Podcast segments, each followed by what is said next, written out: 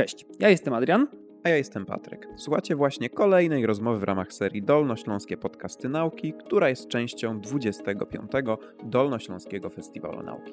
Jak z pomocą nowoczesnej chemii odkryć stare dzieje? Na te pytanie odpowie nasz dzisiejszy gość.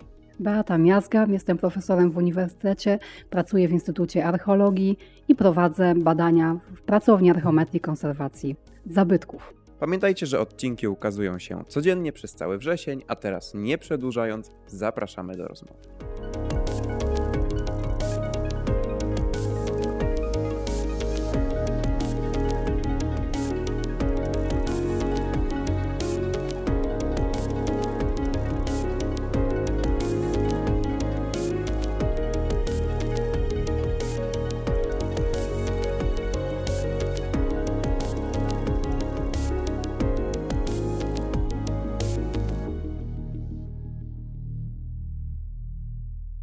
Wydaje nam się, że tutaj u Pani, w Pani przypadku tych historii będzie, będzie dużo. Ogólnie bada Pani materiały, prawda? I to jest kwestia tylko ich badania charakterystyki konserwacji, ewentualnie, czy właśnie badania, czy tylko ktoś przychodzi do Pani jako zlecenie, potrzebuje zidentyfikować to, to i to w danym obrazie, czy w danym dziele i Pani swoimi narzędziami to określa? Zacznijmy od tego, że nie dzielę bo archeologia zajmuje się zabytkami pozyskanymi z ziemi. One nie są tak spektakularne jak dzieła sztuki. Okej, okay, dobra. Więc to są przedmioty znacznie mniej interesujące pod względem estetycznym e, świat, ale dużo ważniejsze, dlatego że one pokazują to codzienne życie najczęściej.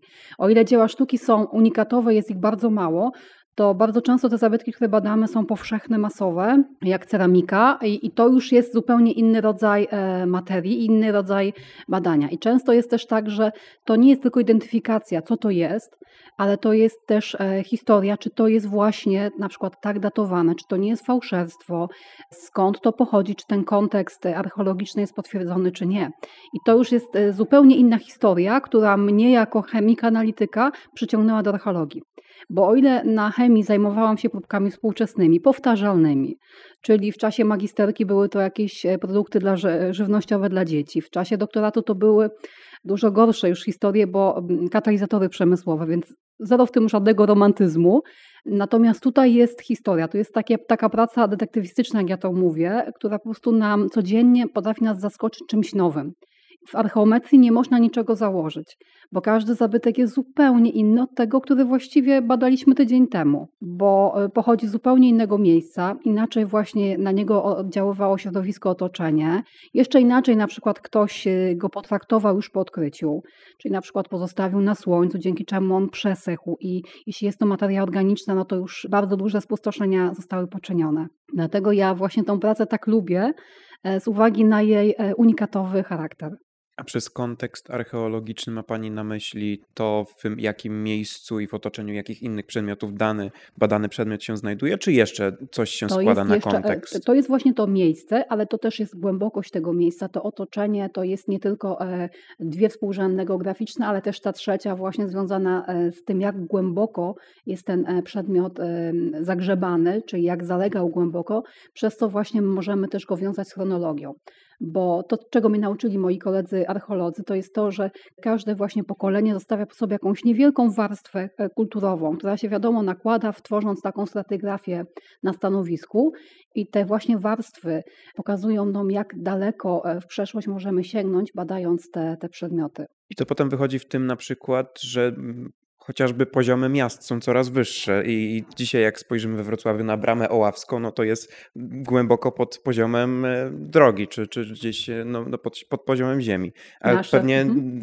w, tamtym, w tamtym czasie to było no, zwykły poziom gruntu. Poziom gruntu. Tak, tak, to jest właśnie, właśnie to nawarstwienie kulturowe, no, które sięga kilku metrów, a w przypadku tych bardzo odległych e, epok to kilkunastu nawet metrów. Tak jak wchodzą badacze zajmujący się czasami paleolitycznymi, czyli jakieś 50 tysięcy lat, e, to, to już jest zupełnie e, inne nawarstwienie. Tutaj w mieście mamy kilka metrów, tam jest kilkanaście metrów czasem właśnie tych nawarstwień, osadów, które, przez które trzeba się przebić, żeby te zabytki właściwe pozyskać. To są takie geologiczne procesy y, i stąd wynika to nawarstwanie, bo w mieście wyobrażam sobie, że po prostu To jest ludzie... brud twoich butów, który tam Brud, wsiąka. ludzie wyrzucają różne rzeczy, zamiast posprzątać, wylewa się nową warstwę i tak to się dzieje. A w jakichś takich paleolitycznych, tak jak pani mówiła, sytuacjach, no to no, nie Mhm. wyobrażam sobie takiego zaawansowania technologicznego, żeby jednak te warstwy gruntu narastały. Pamiętacie, że był lodowiec, tak? Tutaj. Okej. Przeszedł się, cofnął. Także stąd mamy te właśnie e, pozostałości wyżyn w postaci chociażby wzgórz Trzebnickich, tak? Okolice e, Żmigrodu. Tam są te wszystkie pozostałości po cofających się lodowcach. I właśnie nasi koledzy, ci od tych czasów najdawniejszych, e, badają te okolice. Ja mam takie pytanie o zabytki, bo jednak jest pani osobą, która raczej bada, aniżeli szuka. Jasne. I mi się zawsze przypomina taka anegdota, też rozmawiając z jednym z pracowników obsługujących mikroskop elektronowy, bez nazwisk uczelni, żeby, bo nie wiem na ile ta historia może wybrzmi, może nie, ale kiedyś było tak, że normalnie przychodzą do niego inni pracownicy wydziału, oddają swoje materiały, mówią proszę o zbadanie składu, proszę Mhm. o zbadanie powierzchni, zobaczenie jak wygląda. I pewnego dnia, jeśli ja dobrze pamiętam, przyszło dwóch panów w garniturach z teczką, czy tam bardziej nawet z walizką, a z tej walizki przynieśli insygnia królewskie. Bo jak się okazało, że to są, insy- znaczy rzekomo to miały być insygnia królewskie, ale nie mieli na to potwierdzenia i poprosili tego pana operatora o to, żeby sprawdził składem, czy to złoto to jest złoto i tam y, cała reszta, bo tam prawdopodobnie były jakieś kamienie szlachetne, czy one się zgadzają, czy to nie jest jakaś podróbka. Więc moje pytanie brzmi właśnie, czy tego typu rzeczy do pani trafiają i czy przede wszystkim właśnie, czy ktoś przychodzi ze zleceniem i czy to już tak, e, czy pani ewentualnie czegoś czasami coś szuka, albo czy pani coś znalazła i stwierdziła pani, że, że warto to zo- zobaczyć. Jak badane obiekty tak naprawdę do pani trafiają? No właśnie mam to szczęście, że będąc w Instytucie Archeologii, koledzy prowadzą bardzo bogatą działalność wykopaliskową. I najczęściej e, właśnie w toku takich badań, chociażby w mieście, jak Wrocław, pozyskujemy ogromne ilości zabytków. Potem jest rozpisywany projekt. I teraz uczestniczę w takich e, dwóch dużych projektach. Właśnie jeden poświęcony początkom nowożytności we Wrocławiu, czyli badaniom znalezisk pana profesora Piekarskiego w rejonie Placu Nowy Targ. Plac Nowy Targ był badany przy okazji budowy parkingu podziemnego jakieś 10 lat temu. To była pierwsza część tego projektu. Tam się zajmowaliśmy zabytkami średniowiecznymi i było tam ogromne bogactwo. Przez to, że był plac targowy, to ludzie gubili różne rzeczy, było ich tam sporo, było tam sporo zwierząt. I to wszystko spowodowało, że w tym miejscu było bardzo dużo znalezisk, których wcześniej w mieście nie mieliśmy. Hanza Wrocławska, czyli to stowarzyszenie właśnie, wrocławskie było dużo uboższe od Gdańska, ale dzięki tym badaniom pozyskaliśmy ogromne ilości wyjątkowych, unikatowych zabytków, które nas zbliżyły do tego. I teraz właśnie ten projekt, który wykonujemy z uwagi na, na właśnie e, badania, które były przeprowadzone na placu, e, już w okolicach placu, ale na ulicy Świętej Katarzyny Świętego Wita, to jest jakby ta kontynuacja tych działań. Tam były zasypane kamienice, ale też pod tą warstwą znajdowały się liczne zabytki archeologiczne. Także ja w teren nie muszę w ogóle iść, bo to, co robią moi koledzy, kończy się tak fenomenalnym właśnie mm, tak zbiorem, że oni przynoszą je po pierwsze do konserwacji, ale też, żeby zakonserwować właściwie zabytki, trzeba po prostu je przebadać.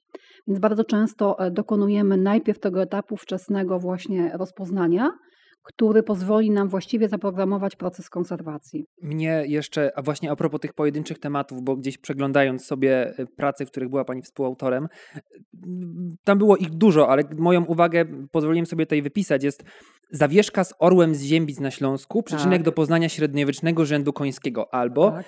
blatnickie okucie końcówki pasa z Grębocic koło Tak. Głogowa, a problem napływu tak zwanych brązów awarskich i blatnicko-mikulczyckich na Tak. Na obszar Dolnego Śląska. I to, do, do czego zmierzam, to jest kwestia tego, że jak jeden przedmiot potrafi otworzyć cały temat w historii. I później całą dyskusję, czy on jest związany z tym miejscem, czy to jest bardziej ktoś, kto po prostu przejeżdżał i go zgubił. I też trochę prowadzi to do takiego pytania, bo ile tak naprawdę osób, bo pani jest jednym Mhm. z trybików tego, żeby właśnie taką historię ustalić. Tak naprawdę jeden taki przedmiot, który może być przypadkowo znaleziony, otwiera całą gamę badań, z których właśnie robi się takie Tak, projekty. otwiera tą szufladkę, w której wcześniej było pusto. Tak. I ten zabytek e, odnaleziony daje e, moim kolegom archeologom, dzięki tym badaniom moim, które nazywam bardziej rzemieślniczymi, bo, bo one wnoszą pewnego rodzaju dane, których oni nie pozyskują, szereg możliwości właśnie do interpretacji. Także dzięki temu, że uda się nam określić skład, uda nam się określić e, rodzaj technologii wykonania tego, tego przedmiotu, oni mogą po pierwsze ustalić, e, czegoś na przykład mogli nie wiedzieć, że w tym momencie, w tym miejscu już tego rodzaju umiejętności rzemieślnicy posiadali,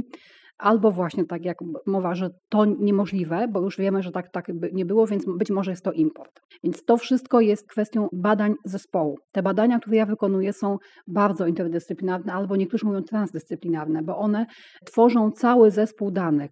Pracuje najczęściej biolog, który bada pyłki, tak? pracuje geolog, pracują właśnie historycy sztuki, jeśli są to właśnie te znaleziska już takie, gdzie, gdzie mamy do czynienia z czasami historycznymi, ze źródłami pisanymi, to historycy sztuki współpracują, więc ze najczęściej właśnie pracuje historyk sztuki. I te wszystkie osoby dyskutują na temat tego, co powinniśmy e, zwrócić uwagę, bo moja wiedza w zakresie zabytków nie jest tak bogata jak ich.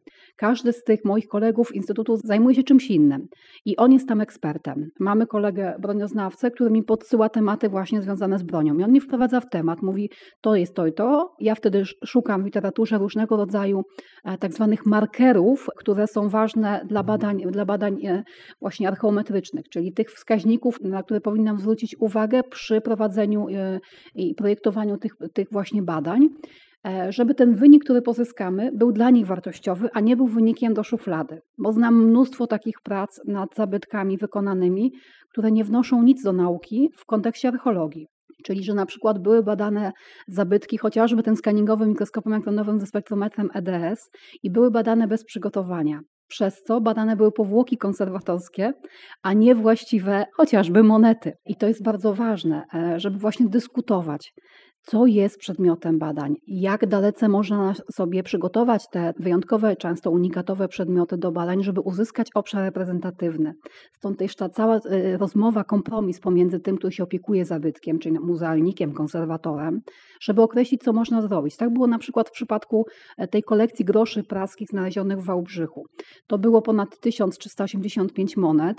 Pozwolił nam dokonać badań mikroinwazyjnych, czyli dla tych złamanych groszy praskich, które już naturalnie było uszkodzone. Można było delikatnie doczyścić przełom tej monety i badaliśmy nie wzbogaconą e, powierzchniową warstwę w srebro, tylko badaliśmy pierwotny skład. I proszę sobie wyobrazić, że czasem ta różnica pomiędzy powierzchnią a tym rdzeniem oryginalnym to jest 20%, 30% zawartości srebra. Jeśli ktoś bada zabytki na powierzchni, to wydaje mu się, że te grosze praskie są niezwykle srebrne, a tak naprawdę nie były. Czasem jest to pół na pół nawet srebro z miedzią zmieszaną, a na powierzchni jest tylko i wyłącznie srebrzyste dlatego, że po pierwsze komuś na tym zależało, żeby ta powierzchnia była srebrzysta, więc użył kwasów, wiecie jakich, e, owocowych, wytrawiając właśnie miedź i dzięki czemu srebro pozostało na powierzchni miedzi jako ten mniej szlachetny uległa właśnie utlenieniu, tak. I to powoduje to, że, że to jest pierwsze związane z technologią produkcji tej monety, a drugie z tym, że wiadomo, przez 700-800 lat przebywania w warstwach ziemnych czasem, czasem kilka tysięcy lat, dochodzi do naturalnego ługowania tych pierwiastków w kolejności określonej szeregiem elektrochemicznym. Tak? Więc wiecie panowie, że po prostu to się tak dzieje, że pozostaje wtedy na powierzchni ta warstwa wzbogacona w pierwiastki mniej szlachetne. I jeśli konserwator oczyści monetę, to zabierze te pierwiastki mniej szlachetne i znowu na powierzchni mamy więcej srebra. I dlatego też badanie zabytków to jest zawsze właśnie rozmowa, żeby wychwycić te niuanse, które są istotne i nigdy nie można podchodzić tak jak do próbki współczesnej, która jest homogeniczna. Artefakty są heterogeniczne z natury. Właśnie dlatego, że te procesy depozycyjne są takie, a nie inne, ta korozja postępuje, że rzemieślnik być może idealnie nie domieszał w tyglu odlewniczym tych wszystkich składników. Zresztą segregacja też metali jest, jest naturalna, więc my możemy badać, jeśli badamy punktowo zabytki, to możemy badać zupełnie niereprezentatywny obszar. Tak jest w przypadku oczywiście segregacji ołowiów, miedzi, więc możemy sobie strzelić właśnie wiązką analityczną w ołów i nam wyjdzie, że wcale nie mamy do czynienia z jakimś e, stopem miedzi, ale e, z czymś ołowianym i to też jest e, duży problem.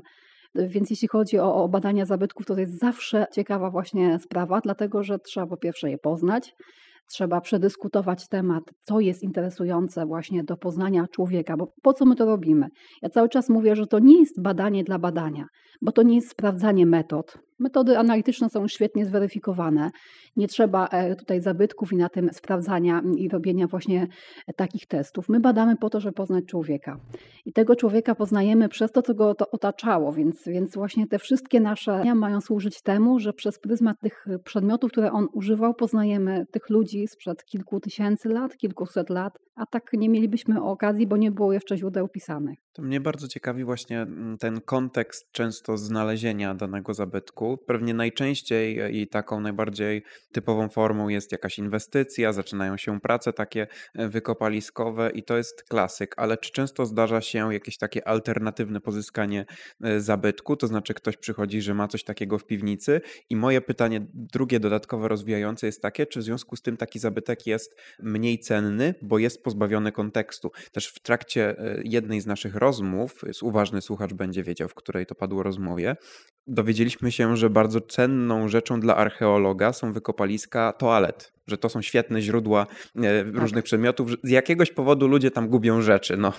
Wyrzucają. Kloaki bardzo Albo często wyrzucają. były śmietnikami też, e, więc trafiały tam różnego rodzaju przedmioty, a jak wiadomo, fosfor bardzo dobrze konserwuje przede wszystkim żelazo.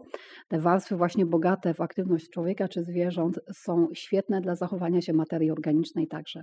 Także rzeczywiście kloaki to, to super, ale wracając do początku pytania, tak, e, znaleziska najczęściej pozyskujemy w trakcie regularnych badań archeologicznych i te wtedy są najcenniejsze, ponieważ są zadokumentowane dokładnie właśnie w tej, w tej jednostkach stratigraficznych, więc chronologię można bardzo łatwo określić. Jeśli w warstwie była moneta, to już w ogóle jest super, tak? Ale bardzo często ostatnimi czasy pozyskujemy mm, wyjątkowe przedmioty z badań przypadkowych spacerowiczów, tak? Czyli, czyli e, ktoś idzie na spacer z pieskiem i odkrywa, e, odkrywa właśnie e, jakiś skarb. Tak było właśnie w Wałbrzychu, że podczas tego rodzaju jakiejś aktywności pan taki garnek właśnie z monetami rozpoznał. Oczywiście powiadomił odpowiednie służby konserwatorskie i, i to jest w tej chwili też coraz częstsze właśnie pozyskanie zabytków. Bardzo często też docierają do nas takie pytania od właśnie osób, które przemieszczają się, zauważyły coś ciekawego i chcą nas powiadomić o tym, czy to na pewno powinno być zbadane przez archeologa, czy nie. Także takie maile się zdarzają, ktoś podsyła zdjęcia, pyta, czy jest to zabytek, czy właśnie jest to coś naturalnego. Więc tak, zdarzają się, się wyjątkowe, ale też często wracamy do już pozyskanych przez naszych starszych kolegów archeologów zabytków, które znajdują się w muzeach. Tam są tak nieprzebrane ilości cudownych przedmiotów. Kilkanaście, kilkadziesiąt lat temu nie można było poddać badaniom, bo nie mieliśmy takich możliwości technicznych. One fenomenalnie, że zostały w tych magazynach nietknięte i dzięki temu właśnie możemy, możemy sobie do nich wrócić. Przy okazji na przykład rekonserwacji. Kilka lat temu badałam taką cudowną kaptorkę, właśnie wczesnośredniowieczną zawieszkę, którą muzealnicy z Muzeum Śląska Polskiego chcieli poddać badaniom, chcieli poddać właśnie odświeżeniu konserwatorskiemu. Przy okazji tych, tychże właśnie procedur dostałam zgodę na rozłożenie tej zawieszki na czynniki pierwsze i okazało się, że to była e, doskonała okazja do poddania wszystkich elementów e, tej kaptorgi badaniom. Dzięki czemu wiadomo, że było, że pozostałość, która była taką pozostałością symboliczną wkładaną do wnętrza tej zawieszki, bo to takie małe pudełeczko na, na różne symboliczne precjoza, okazała się być woskiem pszczeli. E, już nie, nie było pytania, że jest to jakaś nieznana pozostałość organiczna, Udało się to właśnie po 50 latach już rozpoznać. Udało się e, znaleźć tam szczątki nici, którą też można było poddać badaniom pod mikroskopem i zobaczyć, czy to jest skręt właśnie prawy czy lewy, więc też można określić nieco więcej elementów niż tylko określenie surowca, że jest to len, czy to jest włókna właśnie roślinne, bo to pod mikroskopem nawet w tych zregenerowanych włóknach widać. Można było określić, jak ta zawieszka była składana, że blacha była wygniatana, potem była lutowana ołowiem. To pozostaje nawet po wykonanych pracach konserwatorskich. Czasem takie drobinki pozostają i dzięki temu właśnie, że mamy te narzędzia zdecydowanie lepsze niż kilkadziesiąt lat temu, można te badania przeprowadzić. Ale jest też druga strona medalu. Kilkadziesiąt lat temu można było na więcej sobie pozwolić, czyli można było dokonać nieco większych ingerencji w zabytki, bo była taka powszechna zgoda. A teraz musimy pracować e, badaniami głównie mikroinwazyjnymi lub w ogóle nie niszczącymi, co nam zawęża pole działania.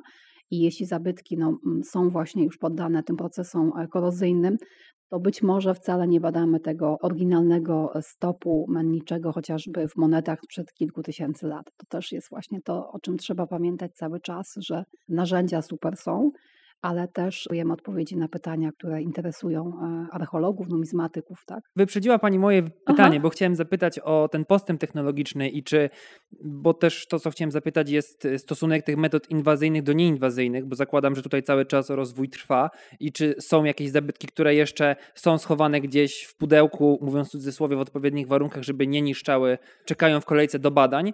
Natomiast jeszcze właśnie kwestia tego, czy jeszcze inne pytanie, które mi się nasunęło i chciałem zadać, czy zdarza się tak, że odkryto jakiś przedmiot i zobaczono, że mm, powiedzmy, jak w filmach jest to bicie serca i nagle jest ta pozioma linia, słychać takie, takie pi i, i, i przeprowadza się jakieś takie operacje na otwartym sercu, powiedzmy. Stwierdza się, że ten zabytek zaczyna niszczeć i po prostu trzeba jak najszybciej coś zrobić. I, tak. i, tak, I, to... jak, I, czy to są w ogóle częste sytuacje? Tak, jeśli chodzi o materię organiczną, to tak. Jeśli znajdujemy pergamin, no to to już jest rzeczywiście alarm. Mm, trzeba bardzo szybko działać, ponieważ no ta cienka, wyprawiona skóra, gdy zostanie właśnie latem podjęta e, z, w trakcie badań archeologicznych z gleby, to najczęściej dochodzi do gwałtownej zmiany warunków otoczenia. Pojawia się słońce, które może zniszczyć wszystkie pigmenty, które gdzieś były użyte w atramentach. E, pojawia się słońce, które bezpowrotnie może nam przesuszyć w sposób niekontrolowany ten pergamin. I wtedy trzeba działać bardzo szybko, więc to są takie zabezpieczenia natychmiast i od razu wykonywanie badań archeometrycznych, bo być może za chwilę czegoś nie będzie. Więc to dla materii bardzo cienkiej, delikatnej, kruchej tak właśnie jak tkaniny, skóry, pergamin, trzeba działać bardzo szybko. Bardzo często jest też tak w przypadku kości.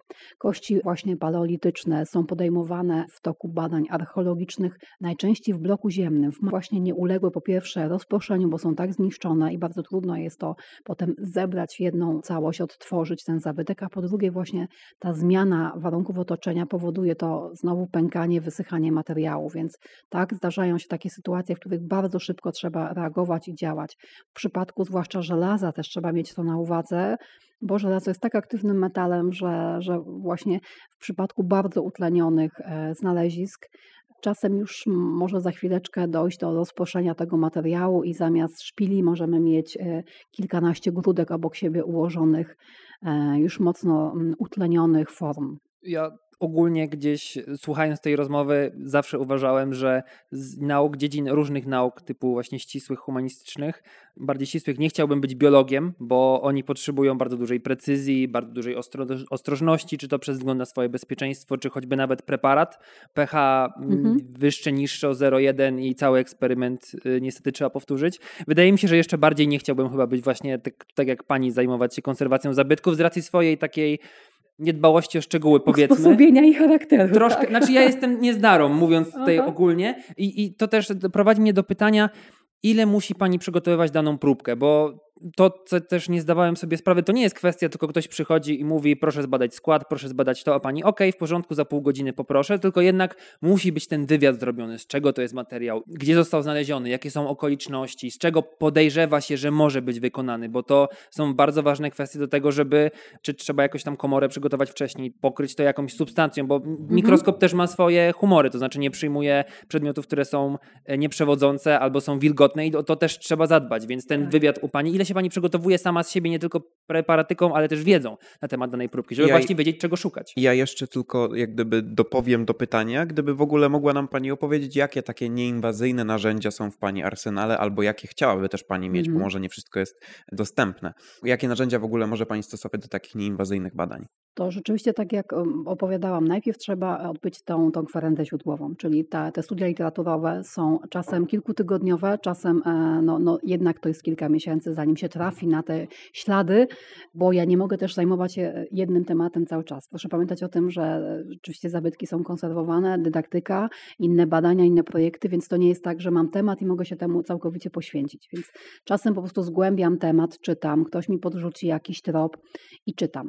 Potem dochodzi do tego, że trzeba próbki rzeczywiście w przypadku badań tych mikroinwazyjnych, chociażby jak badań metalograficznych, zaraz dojdę do tego, jakimi narzędziami. Trzeba czasem pobrać wycinek niewielki zabytku, zatopić go w żywicy, poddać to uprzywice utwardzeniu, potem to wypolerować kilku, kilkuetapowo, a dalej właśnie poddać e, szeregowi badań. Najpierw przed trawieniem, potem po trawieniu próbki na dwóch mikroskopach e, metalograficznych, świetnych, czy właśnie skaningowym mikroskopie elektronowym. I to są właśnie te narzędzia, które najczęściej wykorzystujemy na, w pierwszym etapie, czyli obserwacja mikroskopowa, bo ona w istocie bardzo dużo nam potrafi podpowiedzieć. I mamy mikroskopów kilka. W tej chwili są to cztery mikroskopy, bo mają bardzo różne zastosowania. Mamy zwykły stereoskopowy mikroskop o niewielkim powiększeniu do 63 razy.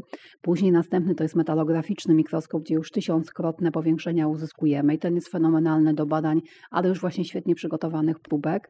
Więc to są już badania mikroinwazyjne. Następny mikroskop jest e, cyfrowy, bardzo wygodny, ponieważ to nie jest taki klasyczny mikroskop e, e, optyczny, tylko on jest cyfrowy i ma osobno na długim przewodzie giętkim głowicę, więc można ją włożyć do wnętrza na przykład naczynia ceramicznego, tak? Można włożyć ją do czaszki jakiegoś dużego, dużego zwierzęcia i przebadać też tą część właśnie niedostępną powierzchniowo. No I ostatni mikroskop to jest właśnie skaningowy mikroskop elektronowy z mikrosondą nie rentgenowską, tylko ze spektrometrem EDS. Więc tutaj też e, ograniczeniem jest wielkość komory naszej pomiarowej i z uwagi na e, gabaryty naszego laboratorium, to jest e, niewielki stołowy mikroskop, więc komora ma raptem jakieś średnicy 8 cm, wysokości też koło około 6-7 cm, więc tam dużych próbek nie włożymy, nie włożymy też całych zabytków najczęściej, aczkolwiek precjoza typu właśnie jakieś elementy jubilerskie wkładamy fragmenty szkieł, tak, czy fragmenty ceramiki, jeśli są rozdrobnione, jak najbardziej bardziej tak. Więc to są te narzędzia takie typowo nieinwazyjne, aczkolwiek do niektórych mikroskopów trzeba przygotować preparaty. Potem mamy narzędzia właśnie e, e, spektroskopowe, czyli spektrometry fluorescencji rentgenowskiej, które mają tą zaletę, że nasze możemy też wykorzystywać do badań w powietrzu. Przez co e, właśnie gwiazdków lekkich i nie musimy zdejmować powłok konserwatorskich, co w przypadku braku jakiejkolwiek ingerencji w zabytki jest już rzeczywiście istotne. Czyli jeśli dostajemy rzeczywiście wyjątkowy przedmiot i ktoś mówi tak, jest po konserwacji, ale niczego nie wolno Państwu ruszyć, no to wtedy rzeczywiście nie wkładamy tego do komory skaningu, gdzie jest próżnia i zebralibyśmy te sygnały właśnie od węgla, wodoru, tlenu, tylko właśnie wykorzystujemy XRF i wówczas ignorujemy te, te sygnały. I ostatnia grupa e, takich narzędzi to są już narzędzia do spektroskopii e, molekularnej, czyli spektroskop podczerwieni z transformatą furierowską i mamy też dyfraktometr rentgenowski, dzięki czemu możemy już nie tylko odpowiedzieć, że jest to e, CU, że jest to S, ale możemy powiedzieć, że na przykład to jest e, taki, a nie inny siarczek. E, możemy odpowiedzieć, że to jest właśnie taki, a nie inny tlenek w warstwach korozyjnych na żelaza. Tak? Także już tutaj mamy, mamy takie możliwości też dalsze. A oczywiście chcielibyśmy więcej. Chcielibyśmy móc poszerzyć spektrum narzędzi do obrazowania. Fenomenalną sprawą byłoby posiadanie dostępu do tomografii komputerowej takiego stałego, ustalonego, że, że mamy te narzędzia po prostu e, do, do, na zapleczu, czy chociażby do mm, aparatu rentgenowskiego. I prześwietlania to też jest bardzo ważne w przypadku właśnie tych już mm, bardzo zniszczonych e, artefaktów. A właśnie, bo też taka kwestia, ja z perspektywy gdzieś tam pracy naukowej wiem, że właśnie ilość tego miejsca jest dosyć mała w tych sprzętach i zakładając gdzieś sytuację, że ten preparat, ten artefakt jest większy niż możliwości aparaturowe, żeby tam weszło, czy dopuszczalna jest możliwość wyższego dobra i w jakiś sposób pobrania kawałka? Tak i, i zbadania go wtedy na tej tak, podstawie? E, jeśli mamy zgodę e, opiekuna zabytków, to e, poza wycinkami mikroodwierty wykonujemy i pobieramy wiertłami bardzo takimi drobnymi medycznymi, o średnicy 0,2 mm do 1 mm, pobieramy właśnie w miejscach nieszczególnie widocznych próbki ale to wszystko jest za zgodą opiekuna zabytków.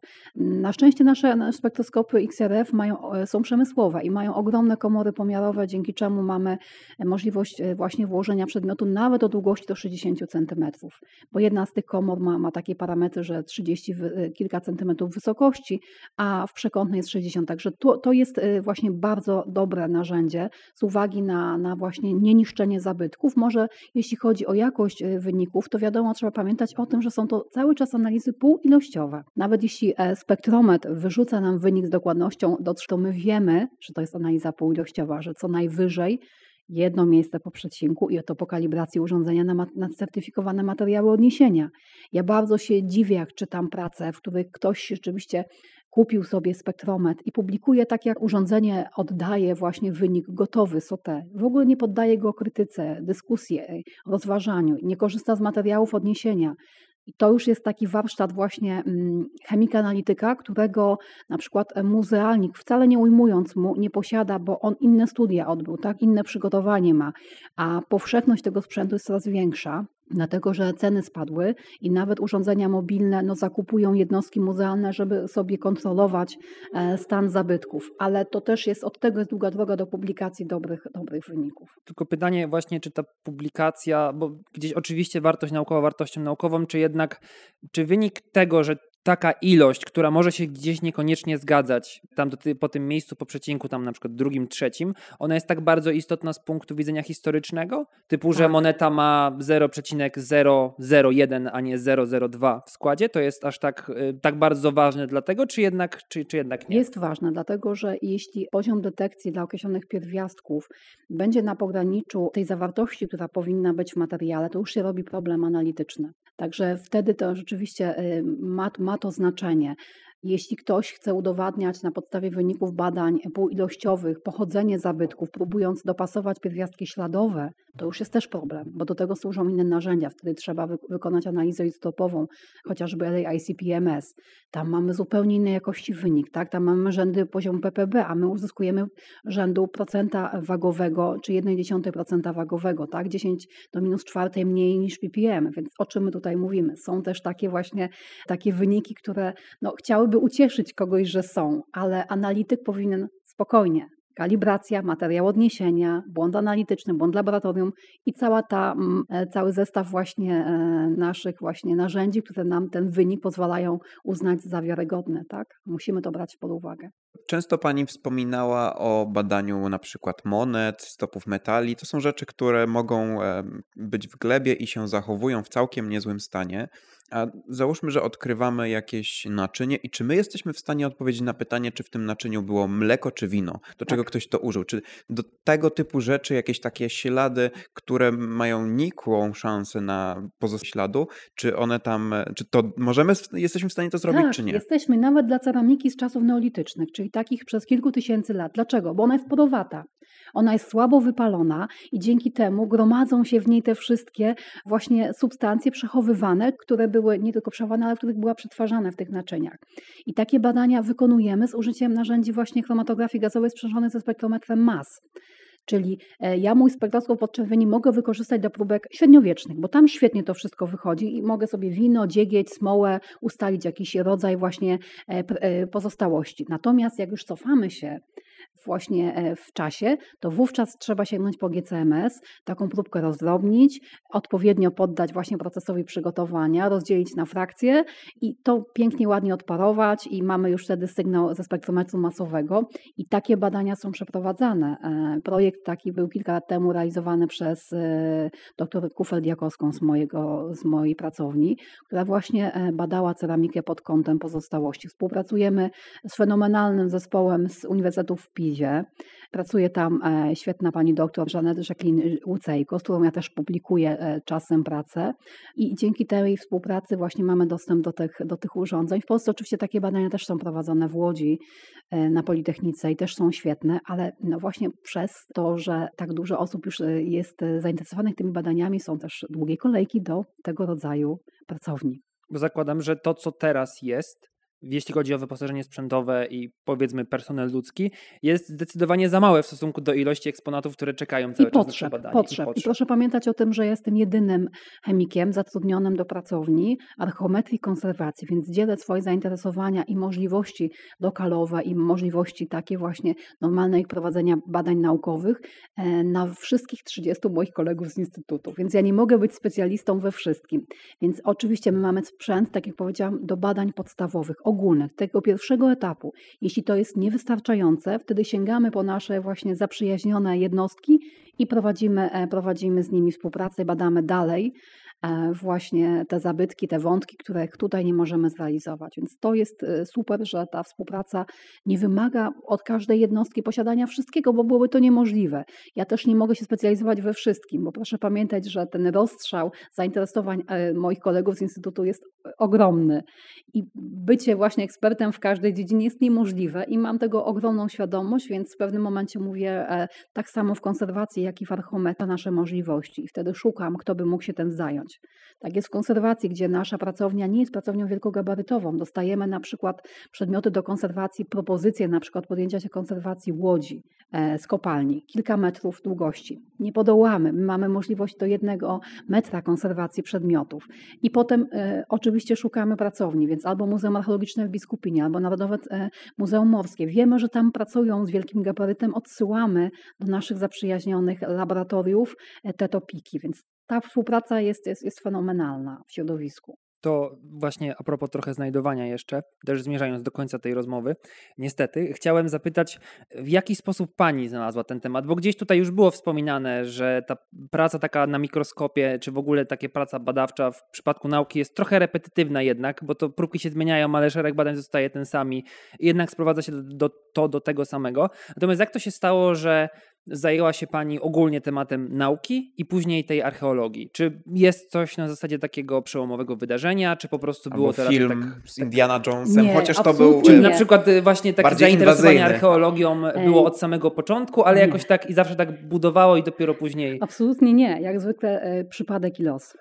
E, Chemia była rzeczywiście moim, moim wyborem, mm, ale drugiego, drugiego rodzaju. Jeśli tak można mówić osobiście, to aspirowałam na kierunki medyczne, ale ze względów e, osobistych nie dostałam wówczas zaświadczenia o dobrym stanie zdrowia, więc to mnie wykluczyło z możliwości studiowania medycyny i Politechnika nie potrzebowała takiego zaświadczenia o stanie zdrowia.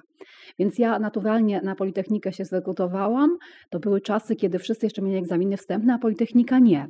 E, Konkurs świadectw, bo to były takie czasy właśnie w, kiedy, w latach 90., kiedy profesor Soro- e, Soroka wrócił e, ze Stanów i przejęty tą inicjatywą zupełnie innych rodzajów studiów, zaczynał je e, implementować tutaj na Wydziale Chemicznym. Także my mieliśmy e, wybieranie kursów, sami tworzyliśmy sobie plan, zapisywaliśmy się sami drogą elektroniczną na te zajęcia, więc studiowanie chemii na Wydziale Chemicznym było wtedy fenomenalne. Pozwalało stworzyć sobie świe- świetny plan, wybrać najlepszych prowadzących.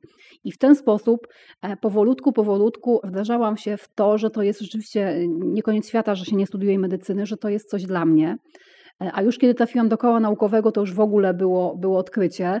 Koło naukowe ALIN wtedy zaczynało e, tak prężnie działać. E, Pracowałam z nimi właśnie też przez doktorat. Tam też idea właśnie festiwalu raczkowała. Kazimiera Wilk na Politechnice e, wiele lat temu właśnie zaczynała, panowie tego nie pamiętacie, ale zaczynała. To było właśnie wtedy, kiedy ja studiowałam. Także nasze koło też brało w tym udział. Jeździliśmy z plecakami, chociażby pełnymi odczynników, co jest nielegalne w PKS-ie do Ząbkowic Śląskich. Ja teraz zataczam krąg, bo 25 lat później jadę znowu tam e, do doktor Mianowskiej e, z wykładem właśnie festiwalowym. Także e, jubileuszowo staram się właśnie tak zatoczyć krąg. A jeśli chodzi o archeologię, to tak jak powiedziałam, przypadek. Wisząca oferta przy dziekanacie na, naszego wydziału, ja byłam dzień po obronie. Okazało się, że zamiast asystenta na Politechnice mogę być od razu adiunktem właśnie na archeologii.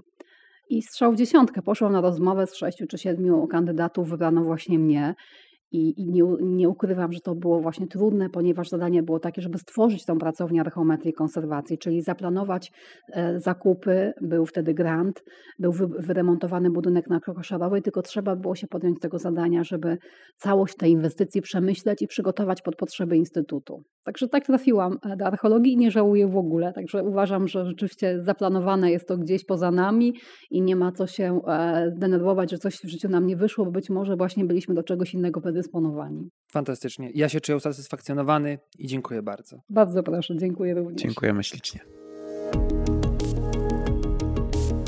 Podobało Ci się i chcesz usłyszeć więcej? Wejdź na festiwal.wroc.pl i sprawdź ofertę wydarzeń Dolnośląskiego Festiwalu Nauki. Linki do wydarzeń znajdziesz w opisach odcinków. Chcesz nam coś powiedzieć? Podzielić się swoją opinią? Napisz do nas na festiwalmałpa.uwredu.pl i daj nam znać, co myślisz. Nie zapomnij o polubieniu i subskrypcji. I pamiętaj, liczy się nauka. Do usłyszenia w kolejnych odcinkach.